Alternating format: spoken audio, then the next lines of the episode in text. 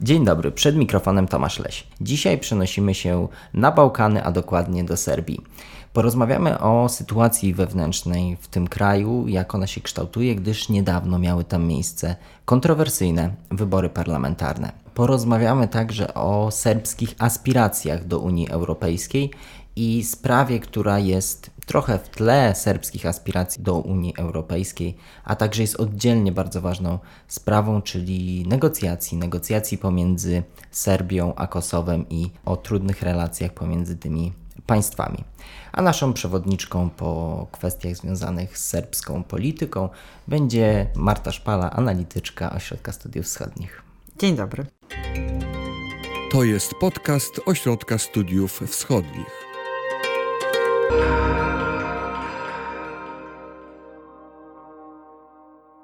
E, zgodnie z zapowiedzią, zgodnie z tym, co mówiłem na początku, mieliśmy niedawno wybory parlamentarne w Serbii. Jak wyglądają te, te wyniki? Kto wygrał? To były pierwsze wybory tak zwane epidemiczne w Europie, czyli takie, które właśnie odbywały się tutaj trudno powiedzieć, czy w trakcie, czy po, czy, po, czy w trakcie y, epidemii koronawirusa. I faktycznie Serbia głosowała jako pierwsza. Mieliśmy tutaj wybory i parlamentarne, y, i lokalne w niektórych y, miastach, a także wybory do Parlamentu Regionu Autonomicznego Wojwodiny, więc były to wybory właśnie takie wielopoziomowe. Natomiast mamy jednego zwycięzcę, to jest Serbska Partia Postępowa, która została utworzona w 2008 roku, a właściwie ciężko powiedzieć, czy, czy sama partia wygrała, czy prezydent Serbii Aleksander Vucic, dlatego że listy, z których startowali kandydaci Serbskiej Partii Postępowej w tych wyborach, nie odwoływały się do nazwy partii, ale odwoływały się właśnie do nazwiska. Też na e, tym szczeblu regionalnym? Tak, też na szczeblu regionalnym i to było nawet e, przedmiotem pewnego rodzaju żartów, że w każdej najmniejszej gminie wyborcy głosowali na listę Aleksander Vucic dla naszych dzieci, więc tutaj właśnie już jest to taki system. To który... było takie hasło, tak? Tak, to, to, była, to była taka oficjalna e, e, nazwa partii, ale mm, było już pytanie, bo Aleksander Vucic ma taki bardzo jednoosobowy styl sprawowania władzy. Już od jakiegoś czasu wiemy, że on nie do końca potrzebuje państwa, ale teraz się okazało, że też nie potrzebuje koniecznie partii do tego, żeby zwyciężać kolejne wybory, bo jak powiedziałam, wybory były parlamentarne. Aleksander Vucic jest prezydentem, ale to właśnie on prowadził przede wszystkim mm, kampanię przed tymi wyborami, to on pojawiał się w większości spotów i to on jakby był, brał udział w, też w wiecach wyborczych, więc e, tutaj zdecydowanie była to taka kampania jednego, jednego aktora. I się opłaciło. I się opłaciło. Serbska Partia Postępowa uzyskała właściwie najwyższy wynik w historii Serbii. Żadna partia wcześniej nie uzyskała aż takiego wyniku. Jest, dysponuje większością konstytucyjną w parlamencie. Natomiast jest dużo znaków zapytania, jeśli chodzi y, o te wybory. Y, przede wszystkim, tak jak powiedziałam, państwa bałkańskie są dość mocno dotknięte mm, epidemią koronawirusa. To jest też tak, że w związku z tym, że we wszystkich tych państwach i w Serbii też y, system ochrony zdrowia jest bardzo mocno niedoinwestowany, są braki perso w personelu. Na początku marca, gdy tylko wybuchła epidemia, wprowadzono bardzo restry duże restrykcje w samej Serbii. Natomiast i też od, wprowadzono stan wyjątkowy, wybory przesunięto. Początkowo te wybory y, y, miały się odbyć w marcu, natomiast jakby uznano, że jednak będą one przesunięte. Natomiast czego obawiał się rząd, czego obawiały się, obawiały się władze, E, do tego, jakie będą właśnie konsekwencje gospodarcze tego samego e, kryzysu. Dlatego, że gdy już jakby ta, ten poziom zachorowań spadł, to bardzo szybko powrócono do takiego, że tak powiem, do, do zniesienia wszystkich restrykcji, żeby przekonać ludzi do tego, żeby poszli na wybory i żeby właśnie głosowali na partię rządzącą. Ale udało się to połowicznie, bo z jednej strony mm, zwycięzcy otrzymali powyżej 60% nawet, no to wynik rzadko spotykany w skali nawet całej Europy, ale frekwencja była stosunkowo niska. Tak, i frekwencja niska była, powiedziałabym, z dwóch względów. Przede wszystkim dlatego, że mm, większość partii opozycyjnych uznała, że w obecnej sytuacji w Serbii nie ma szans na przeprowadzenie demokratycznych wyborów. Dlatego opozycja w Serbii nawoływała do bojkotu głosowania. I powiedziałabym tak, że partia, serbska partia postępowa i prezydent Aleksander Vucic właściwie stoją na czele państwa od 2012 roku. Aleksander Vucic pierwotnie na samym początku był pierwszym wicepremierem. To był taki okres, kiedy jeszcze musiał zachęcić koalicjantów do tego, żeby poparli rząd, który będzie współtworzyła Serbska Partia Postępowa. Był pierwszym wicepremierem, po czym jakby konsekwentnie umacniał swoją pozycję, został premierem, aż wreszcie w 2017 roku prezydentem, a, a zarazem zachował też e, pozycję lidera tej partii y, rządzącej. Nie zrezygnował, mimo że to zawsze jest w dobrym tonie. E, natomiast on uznał, że, że potrzebuje też partii, potrzebuje kontroli nad partią i to stanowisko zachował, co też pokazuje trochę styl sprawowania, e, sprawowania rządów przez mm, Aleksandra e, Vucicia. I właśnie jedna kwestia jest taka, że sam sam sposób jakby budowania systemu władzy obecnie w Serbii, y, powiedziałabym, opiera się na takich właśnie czterech, ele czterech elementach. Po pierwsze, to jest pełna właściwie kontrola nad y, systemem medialnym. Y, wszystkie media albo należą do państwa i w związku z tym są kontrolowane przez partię rządzącą, albo należą do oligarchów, którzy sprzyjają rządowi, albo i właśnie w zamian za kontrakty, jakby powodu, te media otrzymali, albo jakby właśnie po to, żeby takie kontrakty zdobywać, jakby dbają o to, żeby przekaz y, w mediach dominujący, dominującym przekazem był y, przekaz prorządowy. Bardzo są ciekawe badania, które przygotowała jedna z organizacji mm, serbskich, która się zajmuje właśnie procesem wyborczym, organizacja CYRTA, y, która badała przekazy w głównych stacjach medialnych. Mamy pięć krajowych stacji medialnych w Serbii i w tym pierwszym tygodniu, zanim jeszcze ogłoszono marca, zanim jeszcze ogłoszono wybory, 97% czy 91% przekazów politycznych poświęconym partiom politycznym były, było właśnie poświęconym partii rządzącym. W tonie pozytywnym, jak się domyślam. Wszystkie właściwie były w tonie pozytywnym, więc nie dość, że po prostu ta dominacja... We wszystkich stacjach. We wszystkich stacjach, które mają krajowe koncesje, tak? E, więc, więc to bardzo po, dobrze pokazuje, jak ten sektor, e, jak ten sektor jest e, zdominowany przez, przez partię rządzącą te, y, te, jakby ta niewielka ilość informacji, która była poświęcona mm, e, partiom opozycyjnym, była oczywiście głównie miała wydźwięk negatywny. To się później trochę zmieniło w momencie, kiedy już ogłoszono start kampanii wyborczej, bo no w Serbii, tak jak jakby w większości krajów, yy, państwowa telewizja ma obowiązek jakby przedstawiania materiałów wyborczych, no więc jakby to, to, to, tutaj zmieniło te proporcje, ale jakby ten pierwszy tydzień marca dobrze pokazuje, w jaki sposób partie rządzące jakby dominują w mediach. Podobnie, podo, podobnie jest, jeśli chodzi o media drukowane. E, tutaj właściwie mamy jeden dziennik, który jest opozycyjny, on jest bardzo słabo dostępny i podobnie jest, jeśli chodzi o tygodniki, tutaj, które mają takie nastawienie e, antyrządowe. Więc do społeczeństwa głównie trafia jednak przekaz, e, przekaz rządowy, czyli media. Druga sprawa to jest właściwie niespotykane podporządkowanie zasobów państwa interesom partii.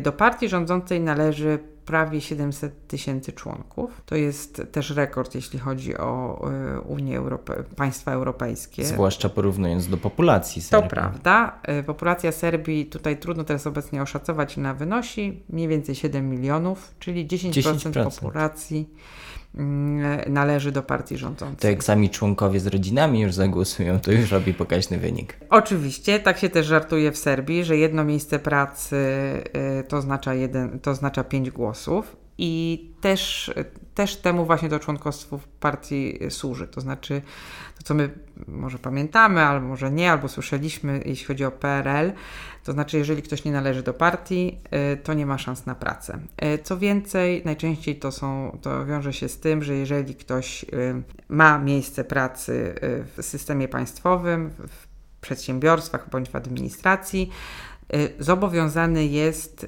dostarczyć odpowiednią ilość głosów. tak? Czyli po prostu, jeżeli ktoś chce zachować pracę i czy to jest praca jakby do, wymagająca dużych kwalifikacji, czy mniejszych, jakby musi być jest tak, tak zwanym gwarantem i żeby utrzymać to musi. I potem są w jakiś sposób rozliczani? E, tak, znaczy musi pokazać zdjęcia. Zdjęcia? tak, z wy, wyborców dostarczyć do, do struktury partii. O tą dyscyplinę w partii dba, dba przede wszystkim brat premiera Andrzej Vucic, to jest, mamy taka, powiedziałabym, że to jest taka właśnie, ciężko powiedzieć, że to jest partia, raczej to jest taka sprawna machina, za, y, która ma umożliwić pewnej grupie ludzi utrzymanie się u władzy. I tak właśnie działa ten system. To bardzo dobrze, y, dobrze widać, jeśli spojrzymy na to, gdzie była frekwencja i gdzie poparcie dla rządu jest najwyższe. To znaczy ono jest najwyższe w tych regionach, gdzie nie ma szans na pracę w sektorze prywatnym.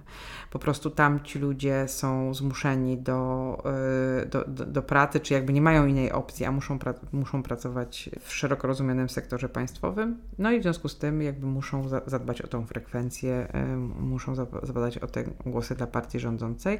Natomiast w Belgradzie, gdzie tych możliwości pracy jest o wiele więcej, gdzie mamy jakby dużo firm też zagranicznych, frekwencja była bardzo niska, 30% i poparcie dla partii rządo, rządzącej też było o wiele niższe. Trzeci taki czynnik, który sprzyja dominacji serbskiej partii postępowej samego prezydenta, to jest też słabość opozycji. Z jednej strony to jest tak, że faktycznie opozycja jest skonfliktowana i podzielona. Mamy w niej dużo ludzi z ambicjami politycznymi.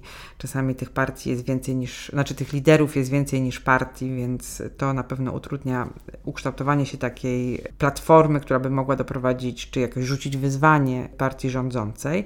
Natomiast nie zmienia to faktu, że też rząd y, jakby działa aktywnie na rzecz ograniczania właśnie działalności partii opozycyjnych, więc jakby nie pozwala na wyłonienie się nowych ruchów, jakby zwalcza y, liderów, więc to też powoduje, że, że właściwie w takich warunkach, jakie panują obecnie w Serbii, wykształtowanie się jakichś takich struktur, które mogłyby w jakiś tam sposób rzucić właśnie wyzwanie rządzącym jest po prostu y, bardzo trudne. Czwarta kwestia, która też jakby sprzyja dominacji rządzącym, rządzących jest związana z tym, że społeczeństwo serbskie chyba w tym momencie utraciło wiarę w to, że ta sytuacja może się zmienić.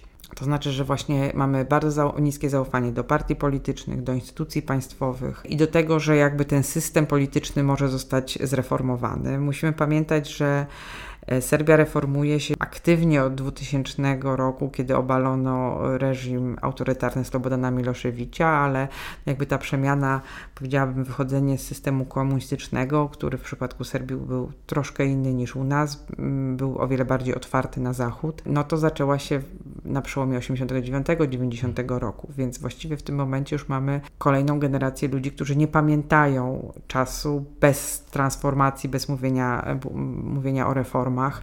Po prostu społeczeństwo e, serbskie jest dość mocno zmęczone i reformami, i też, jakby powiedziałabym, permanentnym kryzysem. Mieliśmy bardzo trudne lata 90., które w Serbii były szczególnie trudne. Później mieliśmy takich chwilę takiego prosperity na początku XXI wieku, później przed kryzys finansowy, kryzys migracyjny, a teraz mamy COVID, więc jakby co chwilę Coś jest kolejna, mm, kolejny kryzys. I powiedziałabym, że każdy lider, jak to też się żartuje w Serbii, jest gorszy. To znaczy, że, że, że każdy kolejny, kolejna staje na czele państwa jest gorsza, więc Vucic nie, nie jest może jakby bardzo takim szeroko ocenianym pozytywnie politykiem, ale z drugiej strony tutaj są obawy, kto będzie następny. I, I to się wiąże z tym, że, że Serbowie, jeśli mają do wyboru jakieś strategie życiowe, to albo jest to migracja, po prostu wyjeżdżają, to widać w statystykach, bardzo dużo ludzi wyjeżdża, albo na stałe, albo to są takie, to są takie, tak, to jest ta emigracja wahadłowa, jedzie zarabiać na chwilę za granicę i później wraca. Jakby niewiele oczekuje od państwa, albo po prostu podporządkowuje się, wstępuje do partii i w zamian za to liczy na jakieś profity, a nie ma tutaj takiej, takiego poczucia, że własną aktywnością można coś zmienić. I to też sprzyja temu, że właśnie włóczyć y, ta władza jest po prostu dość trwała. Wróćmy jeszcze na chwilę do wyborów i kontrowersji z nimi związanymi, bo nie tylko organizacje pozarządowe sygnalizują te problemy, ale też OBWE i instytucje unijne.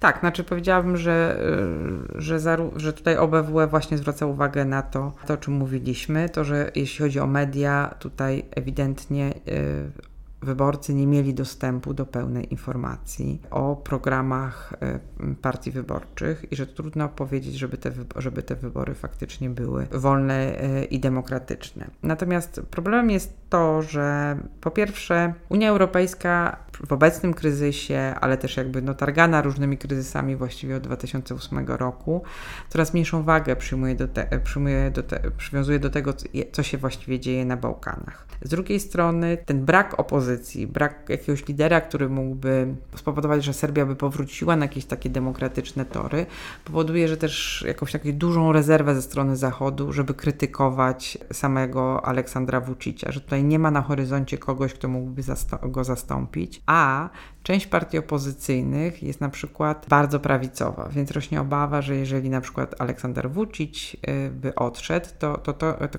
ktoś, kto go zastąpi, będzie po prostu tutaj opierał się głównie o, czy będzie używał głównie haseł nacjonalistycznych, co może zagrozić stabilności całego regionu. I może zmienić też kierunek polityki zagranicznej. Oczywiście. Y, no i tutaj y, to też jest taka kwestia, że, że jakby te obawy na Zachodzie Aleksander Vucic umiejętnie podsyca, żeby właśnie to poparcie Zachodu uzyskać.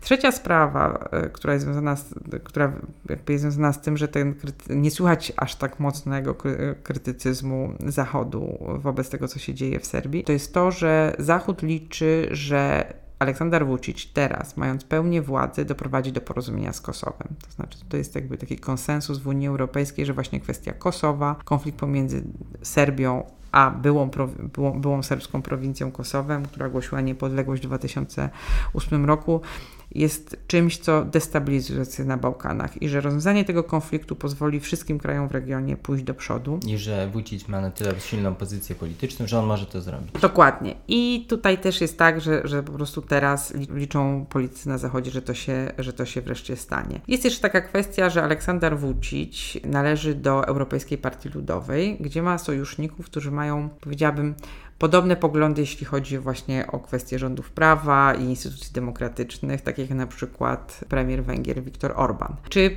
właśnie premier Słowen Słowenii Janes Jansza. I, i, I ci sojusznicy też bronią Vucicia na arenie międzynarodowej, to też powoduje, że ten krytycyzm ze strony Zachodu jest, słab, jest słabszy.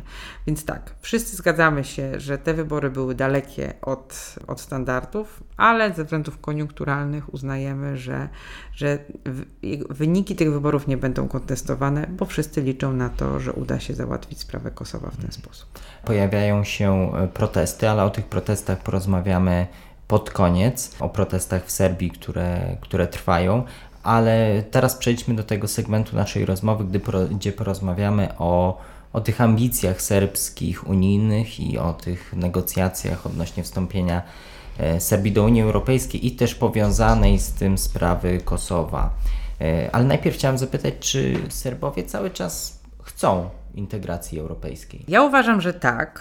E, to z jednej strony tutaj trudno w tym momencie o takie wiarygodne sojusze. Powiedziałabym, że te sojusze, które organizowane są przez rząd, czy przygotowywane są przez rząd, pokazują, że 50% społeczeństwa głosowałoby za wstąpieniem Serbii do Unii Europejskiej. No więc przynajmniej połowa na pewno, na, na, pewno to popiera. Ja bym powiedziała, że na to należy faktycznie zwrócić uwagę, że większość Serbów, znaczna ilość Serbów straciła już nadzieję, że Serbia wstąpi do Unii Europejskiej kiedykolwiek. Y, I jak to kiedyś określił publicysta, ekonomista Tim Juda, postanowili sami się do Unii Europejskiej przenieść. I to też widać to, to znaczy w statystykach. Emigracja. Po prostu emigracja. To znaczy, że, że jakby jako państwo Serbia nie wstąpi do Unii Europejskiej, więc są to tak zwane strategie indywidualne przystąpienia do Unii Europejskiej, czyli po prostu przeniesienie się czy do Austrii, czy do Włoch, czy do Szwajcarii, takie, czy do Niemiec. Są takie tradycyjne mm, kierunki migracji y, właśnie z Serbii i w ten sposób po prostu y, to, to się dzieje, że, że ta wiara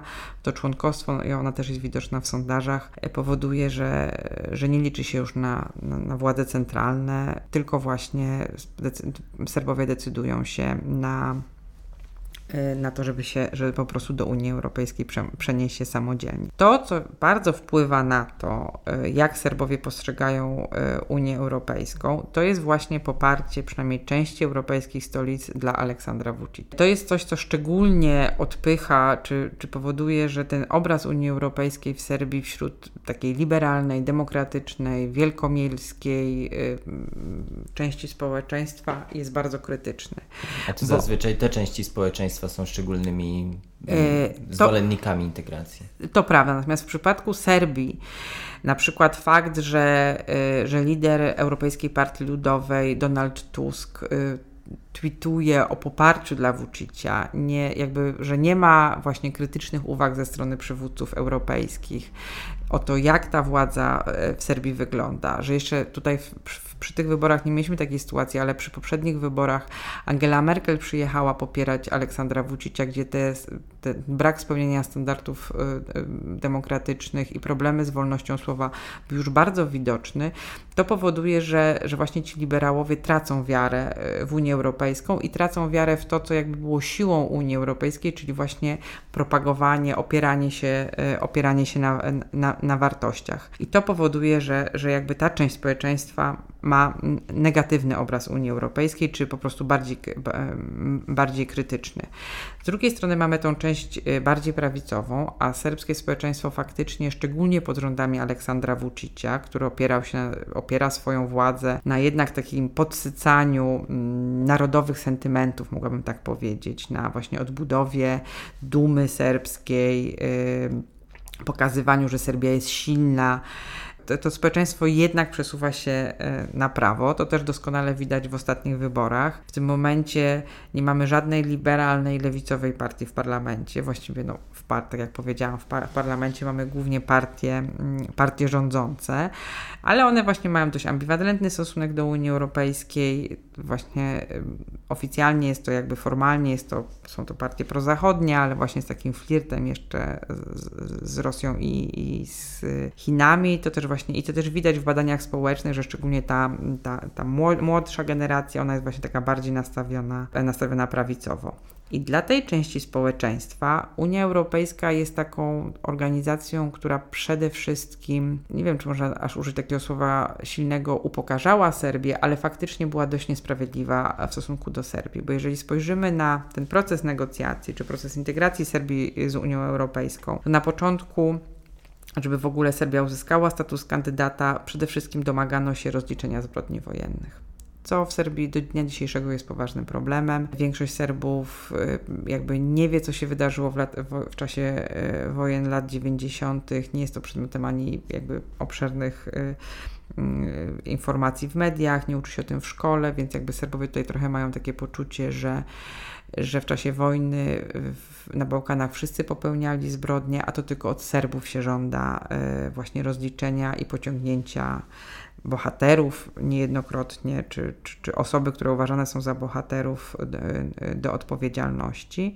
I teraz jest cały czas też kwestia Kosowa, że, że właśnie, że w zamian za członkostwo, czy w zamian za integrację Unia Europejska do, domaga się zrzeczenia praw e, do, do tego, co jest przez większość społeczeństwa uważana za kolebkę serbskiej państwowości, czyli właśnie, właśnie Kosowa, terytorium, gdzie znajdują najstarsze monastery serbskie. I to też jakby powoduje, że ta część, y, ta, ta część serbskiego społeczeństwa jest też dość negatywnie nastawiona y, do Unii Europejskiej. Społeczeństwo serbskie, jeżeli patrzy na Unię, to jednak patrzy na nią przez pryzmat interesów ekonomicznych, że po prostu członkostwo pozwoli osiągnąć wyższy standard życia, a właśnie ten, y, to jakby omijanie czy, czy nieodnoszenie się do kwestii wartości w polityce Unii wobec Serbii też powoduje, że, że, że sami Serbowie nie, przestają kojarzyć Unię z jaką tak, z, ze wspólnotą demokratycznych państw, które przestrzegają rządów prawa. A sam prezydent, y, jego poparcie dla Unii jest bardziej niż deklaratywne? Ja bym powiedziała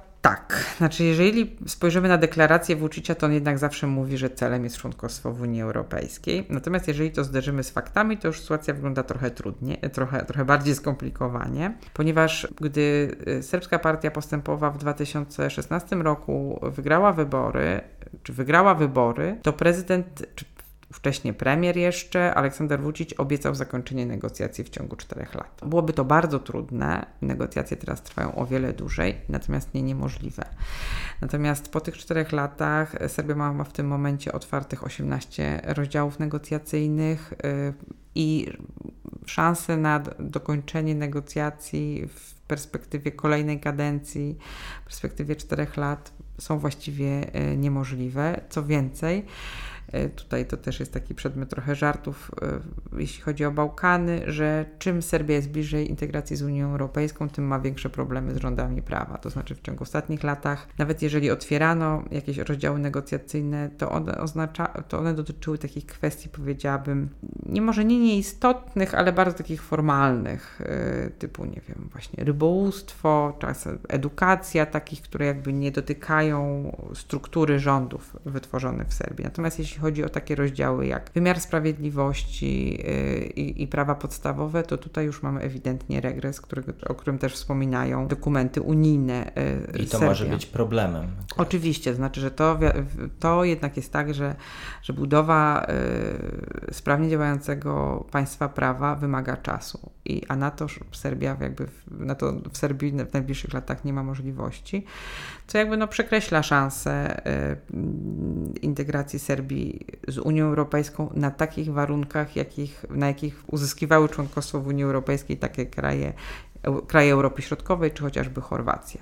Jednym z głównych tych hamulcowych jest oczywiście sprawa Kosowa. Formalnie, formalnie oczywiście nie, natomiast faktycznie jest tak, że szczególnie jakby w tych relacjach e, Serbii z Unią to doskonale widać, że dla Serbii, dla, znaczy Unia Europejska przez długi czas wykorzystywała tą perspektywę członkostwa jako zachętę dla Serbii, żeby e, w te negocjacje czy normalizację relacji z Kosowem e, to państwo się angażowało, czyli że właśnie w zamian za, za kompromis Koso z Kosowem Unia gwarantuje Serbii członkostwo. Czyli nie jest to uwarunkowane formalnie, ale de facto. Tak. No dobrze, no to porozmawiajmy trochę o, o tej kwestii relacji serbsko-kosowskich, ale zanim zaczniemy no, rozmawiać o tym takim poziomie politycznym, to chciałam zapytać, jak wyglądają takie zwykłe napięcia między obywatelami y, tych państw.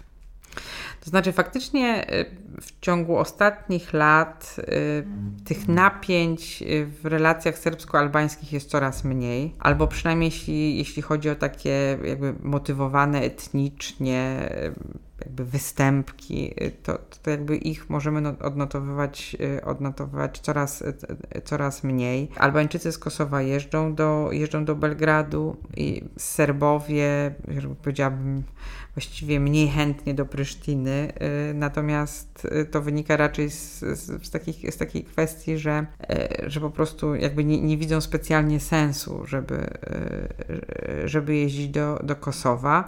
Oczywiście z pewną regularnością wybuchają bit, wojny na Twitterze, natomiast jakby nie przekłada się to takie napięcia mm, na poziomie, na poziomie społecznym, na przykład w kosowskiej Mitrowicy, która jest właśnie podzielona między mm, Serbów a Albańczyków, gdzie kiedyś mieliśmy wielkie zasieki y, na moście, teraz już tych y, tych zasieków y, nie ma. Nie powiedziałam, że te relacje były bardzo dobre, ale te, jakby jest, jest powiedziałabym, tak, jest, jest, jest, pewnego rodzaju progres. Zobaczymy, co będzie dalej, dlatego że y, faktycznie jest tak, czynnikiem, który jakby dzieli obie, obie te społeczności w Kosowie, to jest jednak język. Jeśli jakby starsza generacja Albańczyków mówi po serbsku, bo jakby była kształcona w, w jugosłowiańskim systemie i jakby zna język, to jeśli chodzi o młodsze, młodsze pokolenie, z tym jest jakby coraz większy, coraz większy problem, a z kolei Serbowie nigdy nie uczyli się albańskiego, e, więc jakby ta znajomość tego języka jest, jest bardzo niska i to, to powoduje, że jakby te, te społeczności zaczynają funkcjonować troszeczkę, troszeczkę e,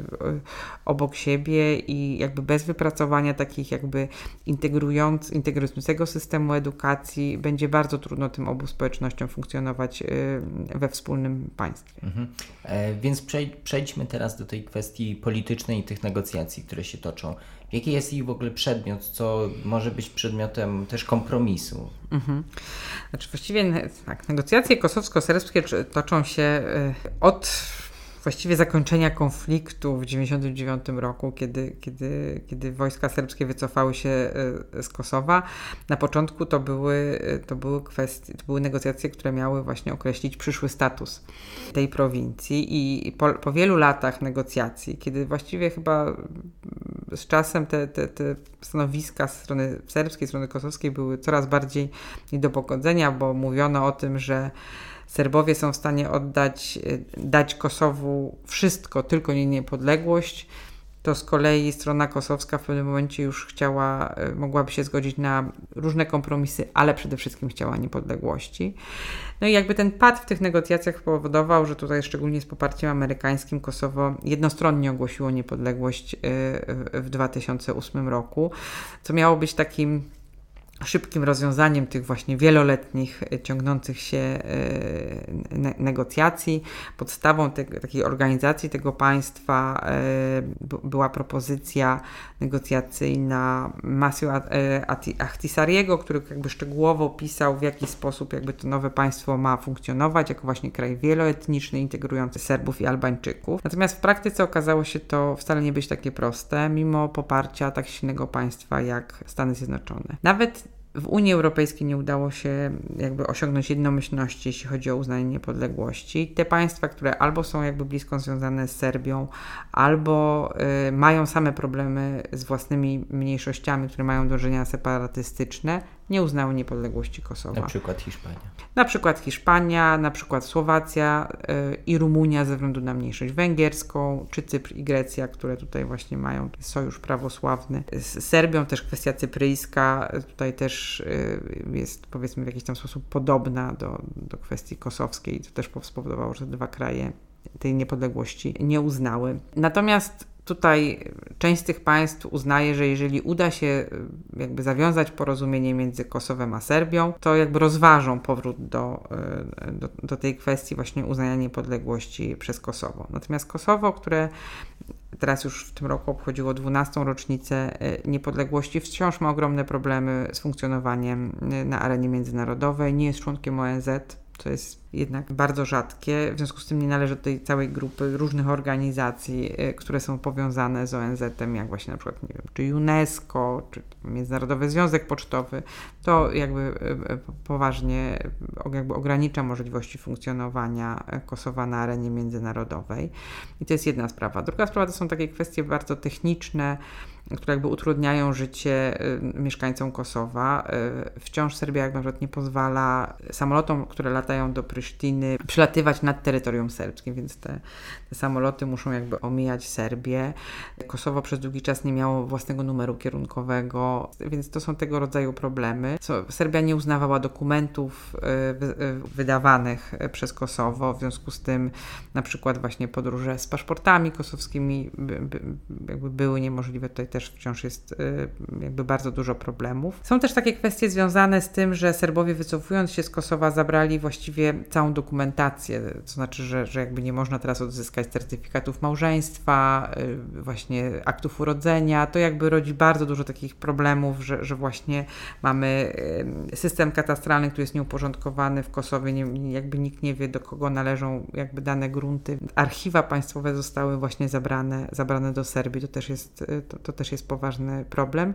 No i taka kwestia czwarta, jakby najbardziej trudna, to jest kwestia zbrodni wojennych i ich rozliczenia. Tutaj wciąż mamy e, prawie 2000 osób, które, z którymi nie wiemy, co się stało podczas konfliktu i kwestia rozliczenia tych zbrodni wojennych, zbadania tej, tych sytuacji też jest jakby przedmiotem sporu pomiędzy tymi dwoma krajami. Przedmiotów sporu, sporu jest dużo, a są jakieś pola do kompromisu i nadzieje na to? To znaczy, na pewno to jest tak, że Kosowu bardzo na tym zależy, no bo właśnie to jest jakby kwestia być albo nie być na arenie międzynarodowej, więc Kosowo jakby chce negocjować z Serbią. Pytanie jest, czy teraz, czy teraz Serbia chce negocjować z Kosowem. Jakby wracając do tej kwestii negocjacji, w 2011 roku presja Unii Europejskiej i w jakimś tam sposób też Stanów Zjednoczonych spowodowała, że obydwie strony siadły do rozmów. Pomysł był taki, żeby najpierw się zająć właśnie tymi kwestiami technicznymi, uznaniem dokumentów, przekazaniem właśnie katastrów, y, tych akt cywilnych.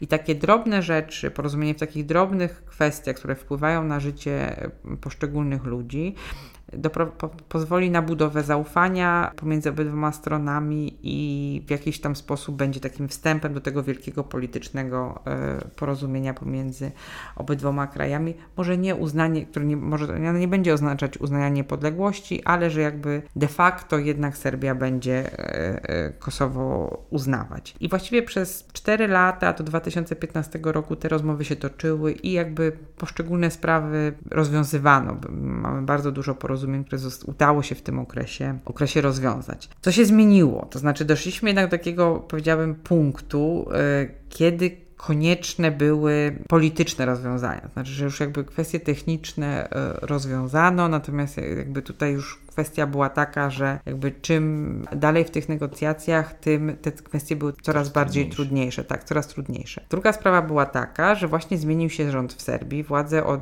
przy, jakby władzę objął e, Aleksander Vucic i trochę zmieniło się, zmienił się też stosunek Belgradu do samej mniejszości serbskiej w Kosowie. To znaczy, że na samym początku to jednak było tak, że ta mniejszość kosowska, ona była bardzo radykalna, Serbowie w Kosowie i też była e, reprezentowana przez całe spektrum partii politycznych. To, co się stało z tą mniejszością, to się stało później na poziomie państwowym, czyli władze, partia rządząca podporządkowała przedstawicieli politycznych własnym interesom i zastosowano dokładnie te same metody, jak w przypadku całego kraju na późniejszym etapie. To znaczy, jeżeli pracujesz w sektorze publicznym, a właściwie Serbowie w Kosowie pracują wyłącznie w sektorze publicznym, musisz głosować na partię rządzącą. I w związku z tym ta mniejszość kosowska, czy jej przedstawiciele polityczni stali się zakładnikami Belgradu. Że to już nie chodzi o to, co by chcieli, co by chciała ta mniejszość, ale co Belgradowi, y, Belgradowi jest potrzebne.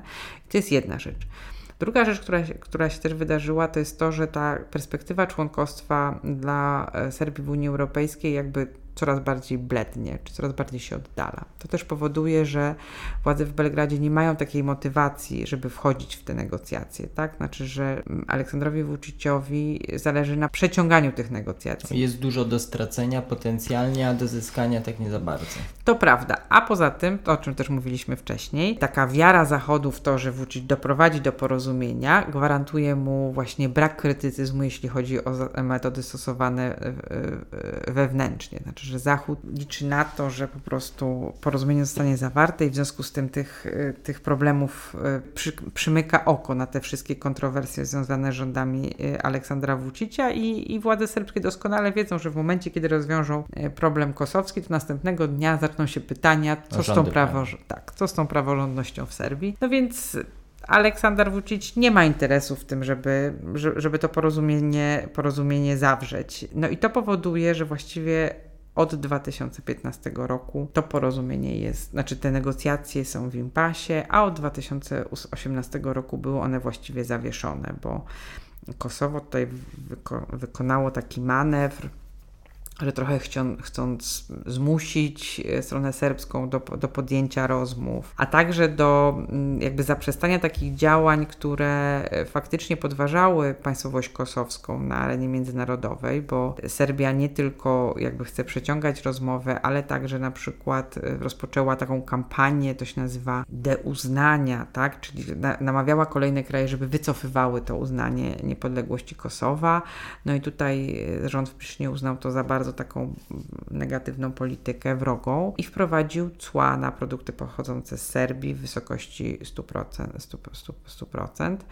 I od tego, od tego czasu jakby strony już w ogóle się nie spotykają. Właśnie na początku lipca obserwowaliśmy ponowne wznowienie tych rozmów, natomiast problemy, powiedziałabym, pozostają takie same, jakie były. To znaczy Kosowo bardzo chce zawrzeć porozumienie, natomiast jakby Serbia niekoniecznie. A czy nacisk ze strony Unii Europejskiej w jakoś najbliższym czasie może się zwiększyć? To jest właśnie kolejna kwestia. Czy Unia Europejska dysponuje jakimiś takimi zachętami dla obu stron, y, żeby, żeby te negocjacje kontynuować? I niestety tutaj odpowiedź brzmi nie, bo z jednej strony właśnie Serbowie i myślę, wydaje, że, że władze serbskie też, one jakby straciły nadzieję na szybkie członkostwo w Unii Europejskiej, wiedzą, że to jest niemożliwe, więc jakby trudno jest teraz obiecać, yy, obiecać to członkostwo, szczególnie jeżeli weźmiemy pod uwagę stan demokracji w Serbii. To jest jeśli chodzi o Serbię. Teraz jeśli chodzi o Kosowo, yy, Koso z Kosowem też jest poważny problem, ponieważ Kosowo jako jedyne pa państwo w, na, na, na Bałkanach jest objęte procesem ma, obywatele tego kraju muszą uzyskiwać wizy krótkoterminowe, gdy podróżują do strefy Schengen. Mimo, że, że państwo to spełniło wszystkie techniczne e, warunki zniesienia tych wiz. I tutaj powiedziałam, że też to zaufanie do Unii Europejskiej jako takiego gracza, e, który się opiera na wskaźnikach i neutralnych przesłankach, zostało poważnie nadwątlone. Znaczy, Dlaczego sojusznicy zablokowali to serbscy? Czy... E, tutaj w tym momencie jakby głównym takim hamulcowym jest Francja. Oficjalnie jakby argumenty Francji są takie, że, że zniesienie tych wiz spowodowałoby znaczny wzrost wzrost migracji z, z, Kosowa do Unii Europejskiej.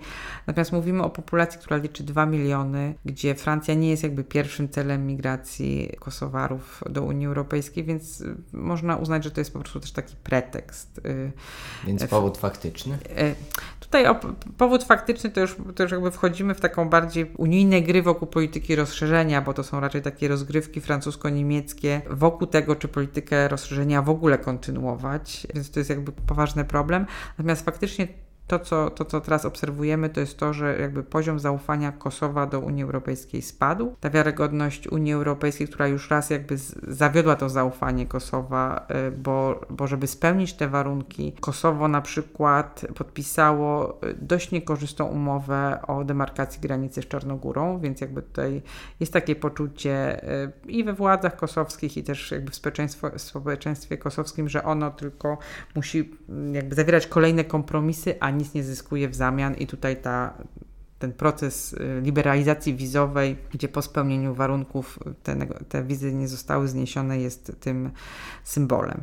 Co jeszcze wzmacnia jakby takie poczucie ze strony, po stronie Kosowa, że, że, że, że Unia Europejska nie jest neutralnym graczem, jest to, że zarówno wysoki przedstawiciel do spraw polityki zagranicznej, y, jak i specjalny negocjator, czy specjalny wysłannik Unii Europejskiej do spraw negocjacji pomiędzy Kosowem a Serbią pochodzą z państw, które nie uznają niepodległości Kosowa. Jeden jest Hiszpanem, a drugi jest Słowakiem. I też takim Słowakiem, który jest postrzegany w ogóle jako proserbski, to jest Mirosław Lajczak, e, który jakby ma taką bardzo, jest bardzo doświadczonym dyplomatą, który był aktywny na Bałkanach, ale właśnie jakby w ramach swojej aktywności i w, Czarno, i w Czarnogórze, ale przede wszystkim w Bośni i Hercegowinie był postrzegany jako taki sprzyjający Serbom, co też pokazuje, że właśnie to zaufanie do Unii Europejskiej e, jest dość mocno nadwątlone, jeśli chodzi o, e, o Kosowarów. Więc myślę, że te negocjacje będą będą bardzo trudne i kwestia też jest taka, jakby właśnie, co ma być ich przedmiotem. I jakby o czym obydwie strony powinny teraz rozmawiać. Mówi się przede wszystkim właśnie, że to będą ta kwestie związane z, z osobami zaginionymi w czasie, w czasie konfliktu i że będą to kwestie ekonomiczne, czyli wracamy do tego modelu negocjacji, który był wcześniej, czyli jakby budujemy, krok budujemy zaufanie y, krok po kroku. Ja mam pewne wątpliwości, czy to będzie jakby strategia e, skuteczna, ponieważ e, jakby Kosowu zależy na, na szybkim porozumieniu, chciałoby wreszcie zobaczyć jakieś, jakieś owoce, natomiast jakby Serbia E, jakby nie jest koniecznie e, tym zainteresowana. I nic jej nie przymusza. To prawda, znaczy tutaj pytanie jest, czy, czy Unia faktycznie w momencie, kiedy teraz mamy po prostu wielki kryzys ekonomiczny, który nas czeka, będzie jeszcze miała czas do zajmowania się, zajmowania się Kosowem. Na pewno jakby Niemcom tym, tym bardzo zależy, natomiast e, powiedziałabym, co też spowodowało taki powrót do zaangażowania Unii Europejskiej te akurat negocjacje to był też nacisk ze strony Stanów Zjednoczonych, a konkretnie e, Donalda Trumpa, który w pewnym momencie uznał, że e, tym gralem, którego szuka, czyli tym wielkim porozumieniem pokojowym, który, który jakby będzie takim, taką ozdobą tej prezydentury, będzie właśnie Kosowo. Znaczy wiemy, że Donald Trump próbował negocjować w sprawie Korei, mamy wielki plan dla Palestyny, obydwa te plany jakby nie wypaliły, więc, więc był taki pomysł, że to właśnie będzie będzie właśnie Kosowo. Donald Trump wyznaczył dwóch specjalnych przedstawicieli do spraw Bałkanów, jednego do spraw Bałkanów, drugiego właśnie do spraw e, rozmów serbsko-kosowskich. I trochę tak jak w 2008 roku, to był taki pomysł na szybki deal, bez od, od, na, na, na, szybkie porozumienie bez oglądania się na konsekwencje. I tutaj y, prezydent Aleksander Vucic i, i, i, i prezydent Kosowa Hashim Taci przekonywali, że tym takim, takim, taką możliwością y, jakby rozwiązania tego sporu będzie wymiana terytorium albo korekta granic. I trochę jakby klucz tego, klucz tego planu było, że to będzie terytorium za uznanie niepodległości, tak? Czyli, że właśnie Kosowo sceduje czy odda Serbii te, te, te części, tą, tą część szczególnie na północy Kosowa, która jest zamieszkała przez serbską mniejszość a w zamian za to y, Serbia uzna czy de facto, czy de jure Kosowo, albo chociaż jakby pozwoli na członkostwo y, tego kraju w, y, tego kraju w ONZ-cie. W związku z tym, że jakby te wpływy amerykańskie w, w Kosowie są bardzo duże, a szczególnie jeśli chodzi właśnie o prezydenta e, Hashima Tachiego, no to wydawało się, że ten plan jest dość łatwy w implementacji, I, ale jakby na przeszkodzie stanęły dwie rzeczy. Raz Unia Europejska, to znaczy większość państw e, Unii Europejskiej uważa, że dostosowywanie granic w Unii, w Europie do granic państw, do granic etnicznych nie jest dobrym pomysłem. Otwiera przed... puszkę Pandory. Otwiera puszkę Pandory. Nie tylko na Bałkanach, ale też jakby w kontekście całej, e, e, całej Europy, a przede wszystkim zostanie wykorzystane przez Rosję do usprawiedliwienia czy uzasadnienia jej roszczeń terytorialnych, nie tylko zdobyczy terytorialnych, czy to w Gruzji, czy to na Ukrainie, czy wreszcie być może jakby uzasadnienie właśnie roszczeń w stosunku do, do, do państw bałtyckich. Więc jakby tutaj było stanowcze, stanowcze nie ze strony, ze strony Unii Europejskiej i powiedziałabym, że też w jakiś sposób było też stanowcze nie ze strony Kosowa. Przede wszystkim. Kosowa. Czy może nie Kosowa, ale właśnie społeczeństwa kosowskiego, bo jednak właśnie powiedziałabym, że, że dominującym poczuciem wśród Kosowarów czy Albańczyków z Kosowa jest teraz to, że oni zawsze się, oni muszą właśnie się, to o czym mówisz, oni się muszą godzić a jakby tych, tych, tych nagród brak. I że mamy państwo, które ma określone granice i jakby nie można negocjować jakby spójności terytorialnej samego państwa. I było to też związane z oceną samego prezydenta Hashima Tachiego, który jest oskarżony o zbrodnie wojenne.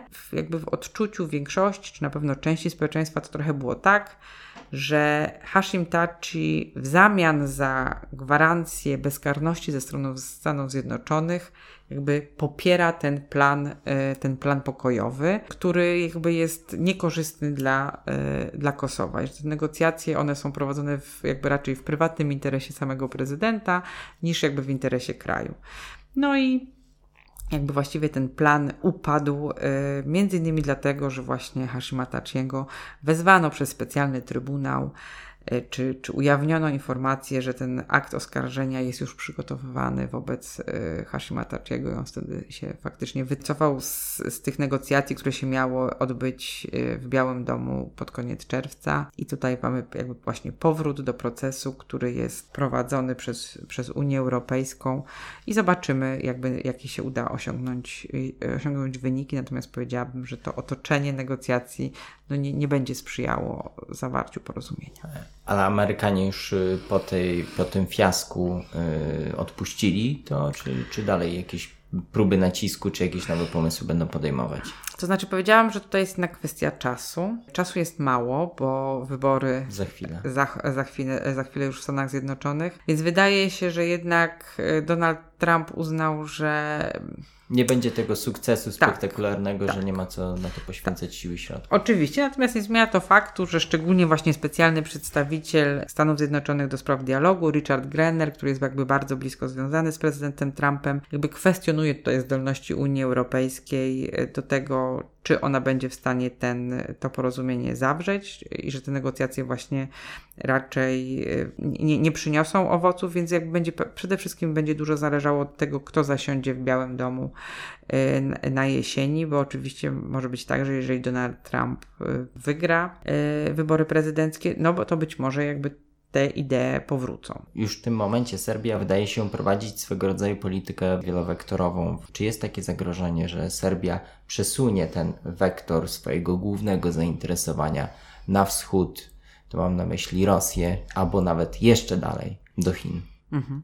Znaczy, to, czego nie można odmówić Aleksandrowi Vuciciowi, to jest to, że na pewno jest sprawnym politykiem i sprawnie rozgrywa pewne, pewnych graczy na arenie międzynarodowej przeciwko sobie i jakby faktycznie, że, że jakby ten pozycja międzynarodowa Serbii w ostatnich latach y, wzrosła. Pytanie jest, czy pozycja Serbii, czy, same, czy, czy samego Aleksandra Vucicia, bo ta polityka zagraniczna przede wszystkim jest oparta na takich jakby personalnych relacjach prezydenta z różnymi ważnymi graczami, takimi jak na przykład właśnie przywódcy Chin, prezydent y, Turcji Recep Tayyip Erdoğan, czy, czy właśnie Viktor Orban y, ale na pewno jakby daje to, powiedziałabym, Serbii pewien rodzaj takiej osłony i jakby czasami się też tak mówi, że, że, że Aleksander Vucic ma wielu przyjaciół, ale jakby żadnemu, czy stara się trochę dbać o taką równowagę tych sojuszy, tak, żeby, żeby właśnie e, nie, nie spowodowało to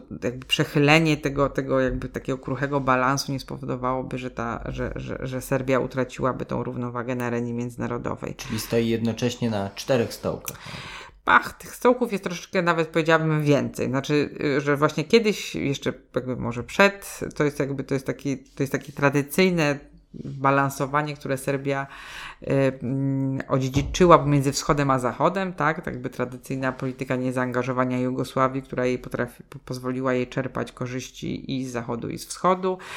Serbia przez długi czas również starała się y, prowadzić taką politykę, to znaczy właśnie balansować między Brukselą a Moskwą, a jeśli chodzi o Aleksandra Vucicia, to on ten wachlarz bardzo właśnie rozszerzył. Mamy przede wszystkim bardzo poważne zbliżenie z Chinami i to powiedziałabym jakby to jest ewenementem jednak y, i w skali regionu, i w skali historii, tak, y, y, historii Serbii. Serbia ostatnio na przykład bardzo się zaangażowała w obronę w obronę polityki Chin wobec Hongkongu.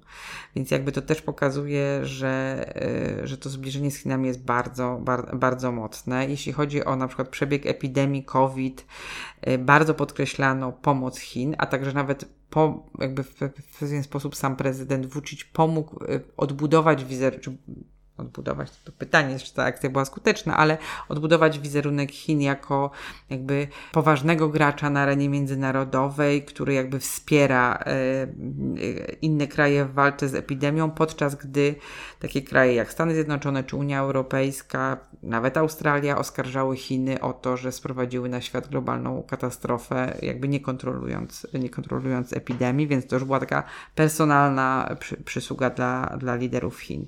Więc Chiny. Na pewno Turcja. To też jest pewien paradoks, bo y, czasami Bałkany są postrzega postrzegane przez taki pryzmat Huntingtona, że kraje prawosławne to z pra krajami prawosławnymi, y, kraje muzułmańskie z krajami muzułmańskimi, natomiast nie, jakby relacje y, personalne Erdoana z Vuciciem są bardzo mocne. Obydwaj panowie mają jakby podobne, po, podobne widzenie świata. I styl rządzenia. I styl rządzenia. Inwestycje tureckie w Serbii też są jakby znaczące. Tutaj właśnie szczególnie do, Bośniacy się bardzo często skarżą, że, że właśnie fabryki budujecie w Serbii, a nam przysłacie Koran, a jakby tutaj tych fabryk, fabryk, fabryk tureckich w Bośni brakuje. E, jest to na pewno też, są tacy powiedziałabym liderzy samej Unii Europejskiej, tak jak powiedziałam, czy to jest na przykład Viktor Orban, ale na przykład też e, Emmanuel Macron. E, Serbia stara się dbać też o to, żeby mm, udzielać jakby dostęp do własnego rynku jakby ważnym graczom, na przykład właśnie wpuszcza, wpuszczone, zostały na rynek serbskie firmy francuskie.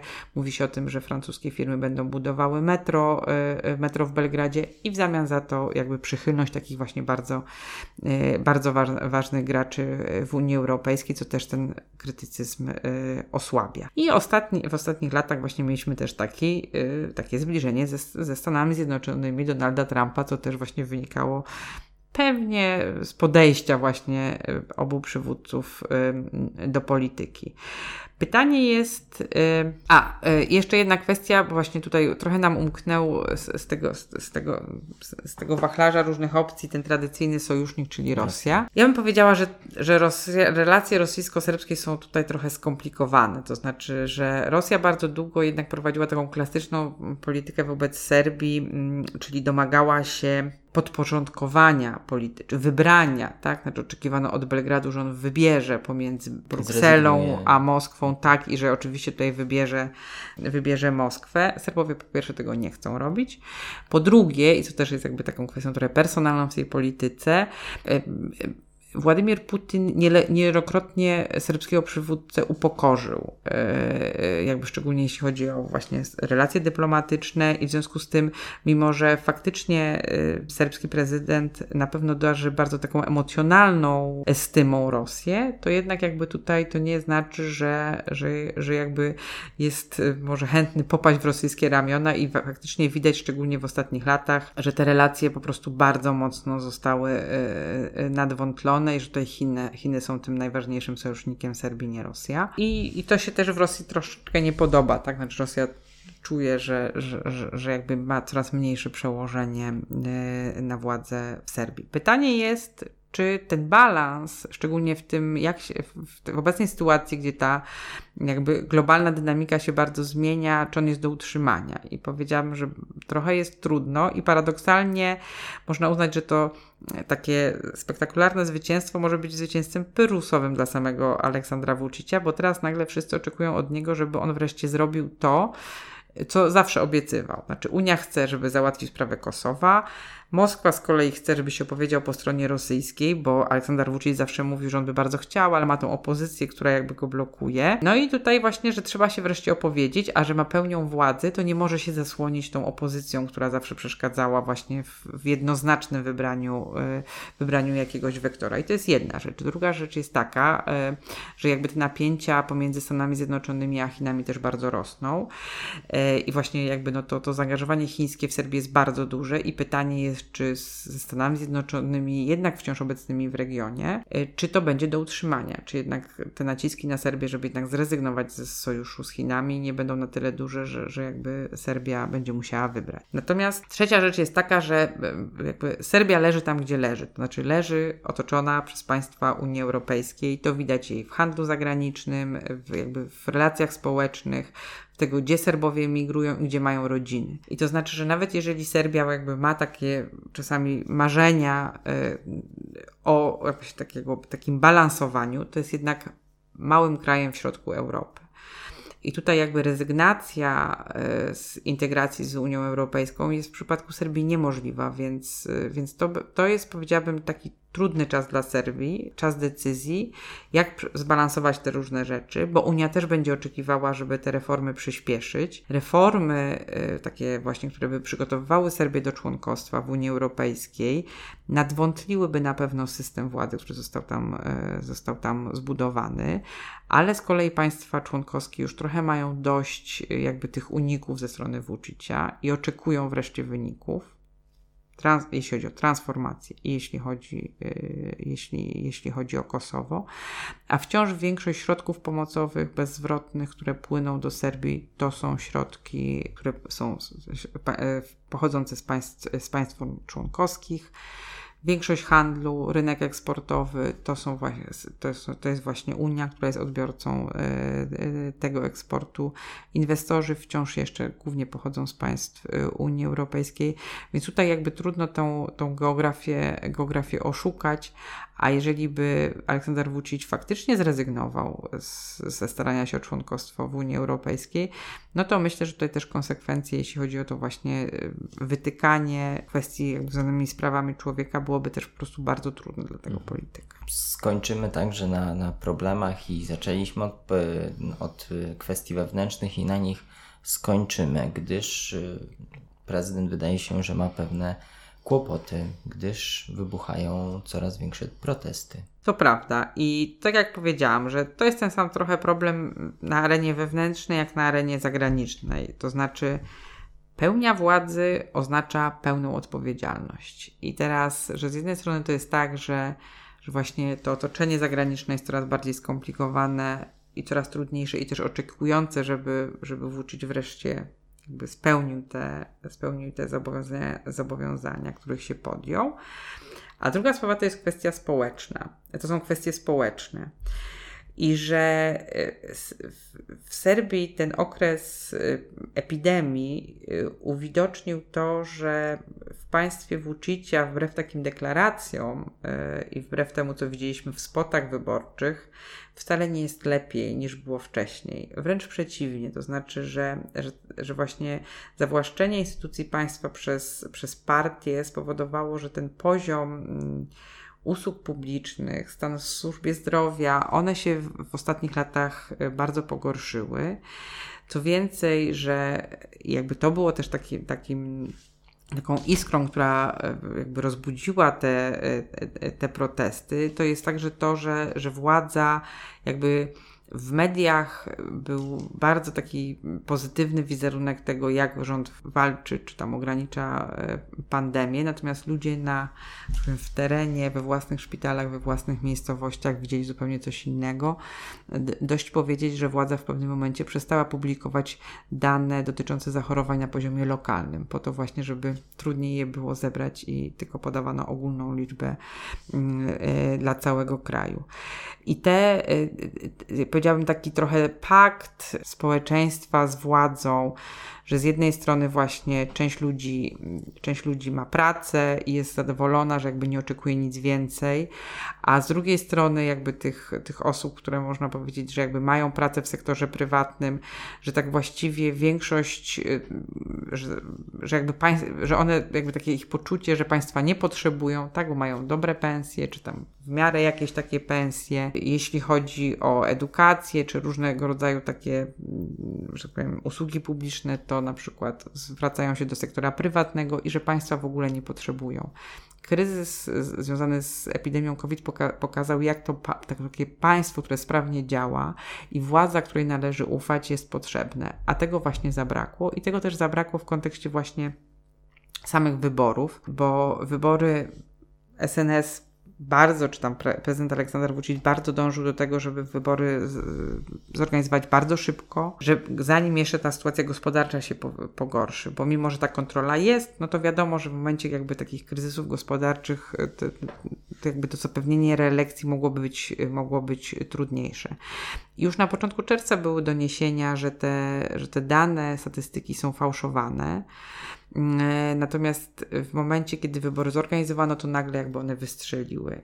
I władza też zapowiedziała, że wbrew temu, co jeszcze mówiła tydzień wcześniej, że epidemia jest pod kontrolą, że będzie wprowadzać ponownie godzinę policyjną. I jak mówią mi moi koledzy z Belgradu, to w tym momencie, szczególnie w Belgradzie, jakby zobaczono, że, e, że partia i Aleksander Vucic postawili, położyli na, szale, na szali zdrowie obywateli, żeby zapewnić sobie reelekcję. I to spowodowało jakby ogromną wściekłość y, mieszkańców Belgradu i tą wściekłość widać. W związku z tym, że system jest zabetonowany, to trudno o takie, powiedziałabym, bezpieczne kanały y, wyrażania tej, wyrażania tej frustracji.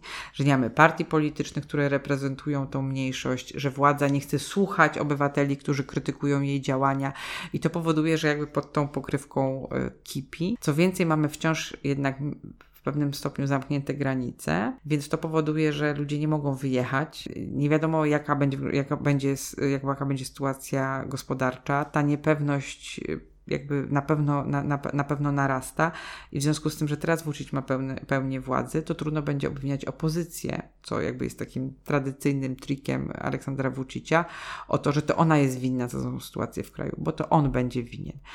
I z tego powodu myślę, że ta przyszłość samego prezydenta i też Serbii jakby w najbliższym czasie jakby będzie bardzo trudna, jest wiele wyzwań do rozwiązania, no i zobaczymy jakby co będzie dalej, bo tak jak powiedziałam, obywatele i zagranica oczekują rezultatów, a na to widoków nie ma. Mhm. Sytuacja w Serbii i na całych Bałkanach skomplikowana jak zawsze, ale też bardzo interesująca, więc dziękuję bardzo za tą rozmowę. Dziękuję bardzo.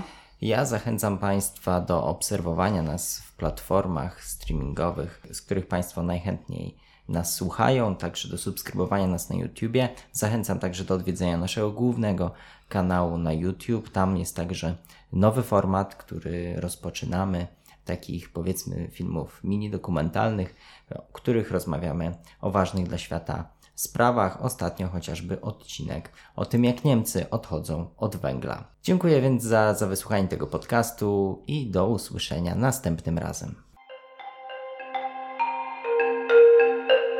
Wysłuchali Państwo podcastu Ośrodka Studiów Wschodnich. Więcej nagrań można znaleźć na stronie www.osw.waw.pl.